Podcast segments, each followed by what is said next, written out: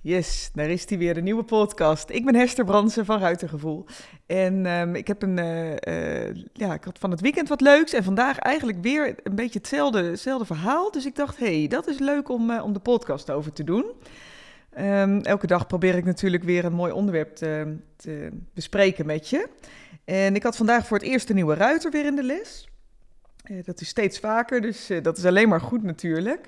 En zij kwam binnen en ze zei eigenlijk gelijk, ja, wat ik eigenlijk vooral zoek is een beetje lijn in mijn rijen. Um, dus toen begon ik ook wel een beetje te lachen. Ik zei, nou, dan zit je in ieder geval goed, want daar ben ik heel erg van. Weet je, het, het uh, stukje in, in je rit, dat het voor je paard herkenbaar wordt wat je aan het doen bent... Um, dat maakt of breekt je rit, vind ik altijd. Hè. Je mag altijd wel iets nieuws daaraan toevoegen, een nieuwe oefening of, een, iets nieuws uitproberen daarin. Maar de basis die moet staan. En um, ik merk toch wel bij heel veel ruiters dat die ook zelf zeggen, joh, eigenlijk uh, weet ik gewoon niet precies waar ik moet beginnen, wat ik moet doen, um, uh, hoe ik dingen moet oplossen. ja, hoe krijg ik nou lijn in mijn rit en lijn in mijn rijen? Dus daar, uh, ik dacht, nou, dat is wel heel goed om de podcast over te doen vandaag. Dus wat ik eigenlijk altijd doe, is ik, elke rit opnieuw. En of je nou twee keer in de week, of drie keer in de week, of vijf keer in de week rijdt, dat maakt voor mij niet uit. Elke rit opnieuw moet je weer met je paard eigenlijk in de herhaling. Dus je hoeft niet, uh, niet ineens op een andere manier te gaan losrijden voor de afwisseling. Nee, het moet juist herkenbaar worden voor je paard wat je aan het doen bent, zodat hij Hè, zodat hij ook zegt: hey, deze ken ik, deze heb ik in mijn repertoire. Dat is mooi, want dan kan ik weer met je meedoen. Of dat het voor je paard zo herkenbaar is dat, dat zijn lichaam al uh, heel gemakkelijk voelt in zo'n oefening. En als het, als het compleet out of the blue is elke keer, en elke keer dat je eigenlijk maar wat aan het doen bent en zelf eigenlijk ook niet precies weet waar je naartoe moet rijden, ja, dan wordt het wel een beetje een lastig verhaal.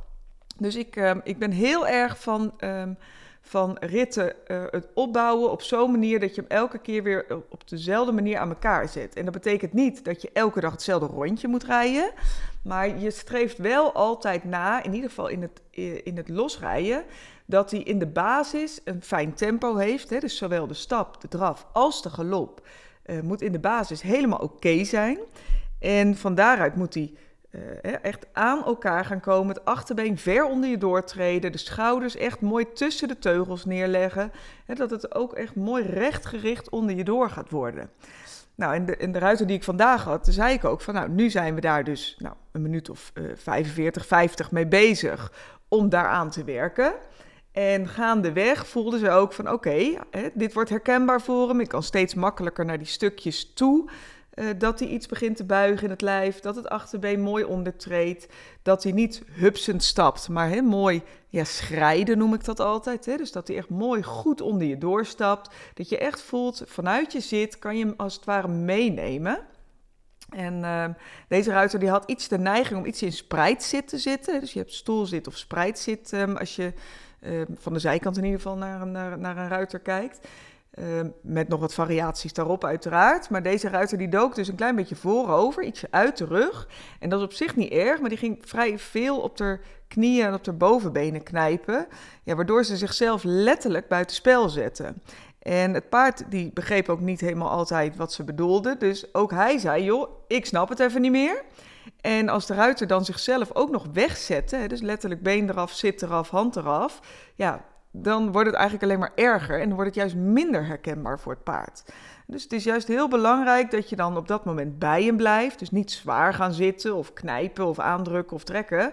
Maar gewoon rustig bij hem blijven, los blijven onder in je rug, zachtjes aanvullen op je been en weer onder je door naar je hand toe rijden. Nou, dus er elke keer dat eerst in de stap, dan in de draf en dan in de galop dat te doen. Dat je echt voelt van, hé, hey, hij begint onder me door te rollen in galop bijvoorbeeld ook. Het is niet zo dat je elke pas aan moet vullen en dat hij dan um, ja, elke pas een beetje terugdenkt als het ware. Nee, dan, dat hij soort fris naar voren springt. En um, nou, dat kwam ook heel mooi terug, want in het begin zei ze ook van ja, in die galop, oké, hij galoppeert wel. Het was een heel mooi, fijn paard, goed bewegen. Um, maar ja, ontbrak in de basis uh, heel veel dingetjes en met name dan op ander terrein natuurlijk. Uh, ja, waardoor het een beetje moeilijker werd. Dus op een gegeven moment had ze me ook inderdaad zo mooi aan er zit onder de door. Toen zei ze ook, ja, nou kan ik hier wat mee. Hè? Nou neemt hij mijn hand ook aan. Nou is hij ook bij me. En nu kan ik ook, ja, kan ik hem onder me door laten rollen in die, uh, in die sprong. In plaats van dat hij een beetje, ja, dat hij wel galoppeert. Maar een beetje zo, ja, ik zeg dan altijd, dan krijgen ze een beetje zo'n zurig bekkie. Dan, dan gaan ze wel naar voren, maar ze denken niet naar voren. En een paard wat niet naar voren denkt, dat, die kijkt vaak een beetje zurig. Een beetje, beetje met zijn strak bekkie, een beetje zurige oren. Zijn ogen gaan een beetje ja, op uit, als het ware. Terwijl eentje die, uh, die naar de overkant wil, die echt jou meeneemt en onder je doorrolt en vanuit jouw been naar je hand toespringt in de galop, die kijkt ook gezellig. Dus dan moet je zelf maar eens bij je paard nagaan van als ik nu nog een keer been geef, vertrekt hij dan ook echt? Gaat hij dan ook echt onder me door? Uh, echt vanuit het achterbeen bedoel ik dan. Hè? Dus niet lang en voorover, maar gewoon mooi vanuit achter vertrekken. Um, of um, zegt hij dan van, joh, als je nu nog één kramen komt, dan ga ik bokken.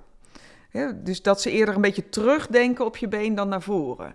Nou, daar zit nog wel een verschil in. Dus paarden gaan vaak wel maar voor, naar voren, maar denken niet altijd naar voren. En juist dat laatste, dat wil je ook hebben. Je hoeft helemaal niet hard. Ik wil zeker niet dat je gaat jakkeren of gaat jagen, maar wel onder je door laten springen.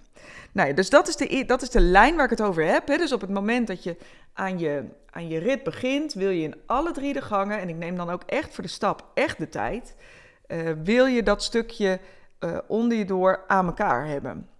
En toen moest ik ook denken aan wat ik, wat ik gisteren eigenlijk had. Ik heb gisteren iemand, uh, een van mijn ruiters, op wedstrijd begeleid. Um, en um, dat was voor het eerst eigenlijk dat ik in de, uh, de. Ze traint er wel een poosje, maar nou, bij wedstrijd kan je niet altijd bij zijn. En nu was ik daar wel bij. Dus was voor het eerst dat ik daar in de, in de wedstrijdring uh, live zag, zeg maar. En dan vind ik nou, met name eigenlijk het stukje losrijden bijna nog wel interessanter dan het rijden van de proef al geeft dat ook, dat is wel een leuke vanmorgen misschien trouwens. Nou, dat bedenk ik in één keer. Dus al geeft dat ook nog wel een aardige dimensie van wat gaat iemand dan in de proef doen. Sommigen gaan uit, sommigen gaan aan, sommigen gaan heel bijzondere dingetjes doen. En sommigen doen gewoon wat ze moeten doen. Dus, uh, dus nou ja, daar gaan we het ook een keer over hebben. Maar ik hielp met name in het losrijden. En toen ze me appte van, joh, hoe laat zal ik erop zitten? Ik zit aan zus of zo te denken, want uh, nou, zo laat is het baan verkennen. En toen dacht ik al, hmm, volgens mij is er geen plan. En ik hou van een plan. Ik hou van lijnen het rijden. Ik hou ervan dat we van tevoren al hebben bedacht hoe we het gaan doen. Dus toen heb ik even gebeld. We het even samen, nou eigenlijk een, nou, een kwartiertje even gebeld, zo'n call. En hebben we even een plan gemaakt. En, um, maar een beetje afhankelijk van hoe laat het baanverkennen is, want daar wilden ze uh, wel graag heen. Dat raad ik ook altijd aan. Um, kijk, soms zit je gelijk na het baanverkennen. Soms moet je nog heel lang wachten na het baanverkennen tot je aan de beurt bent. Hè? Dus het baanverkennen in de, in de wedstrijdring bedoel ik dan. Uh, ja, en dan ga je dus van je losrijring naar de wedstrijdring en dan weer terug. Nou, dus soms moet je daar een klein beetje iets op aanpassen in je gewone planning. Stel dat je normaal gesproken zegt, ik ga een half uur losrijden. Alleen precies een half uur van tevoren is je baan verkennen. Ja, dan heb je dus 10 minuten baan verkennen. Meestal mag dat alleen in stap. Uh, toevallig gisteren mocht je ook draven en galopperen. Maar goed, stel dat dat, alleen, stel dat dat van je ritje afgaat, dan heb je dus nog maar 20 minuutjes om los te rijden. Ja, voor sommigen is dat prima. Maar voor dit paard vond ik dat een beetje tricky. Vond ik dat een beetje kort. Um, juist ook omdat hij altijd nog wel een beetje spicy kan zijn, zeg maar. Dus ik dacht, het is juist goed om echt even de tijd te nemen. Dat je echt even goed kan stappen. Echt het paard goed onder je door kan krijgen. Dat je niet gek laat maken door andere mensen die eigenlijk ook geen plan hebben. Maar wij doen een plan. Dus dan, dan ik, ik gaf haar ook een, een instructiesetje, hè, dus een oortje. Ik ging mooi in een hoekje staan waar ik, uh, uh, nou, een beetje onopvallend zeg maar. Ik hoef nooit zo uh, midden in de picture te staan wat dat betreft. En we zijn dus even lekker gaan losrijden. En dat paard dat wilde eigenlijk het liefst, toen hij de, de losrijring inkwam, het liefst gelijk aandraven. Gewoon acuut. En ik zeg, ja, ho, dat gaan we niet doen. We gaan het doen zoals we het gewoon in de training ook doen. Want dat is herkenbaar voor hem en dat was het plan. Dus we gaan niet in één keer het plan aanpassen omdat je paard een beetje scherp is, omdat er nu honderden mensen publiek en weet ik hoeveel paarden in die ring zijn. Het plan blijft hetzelfde.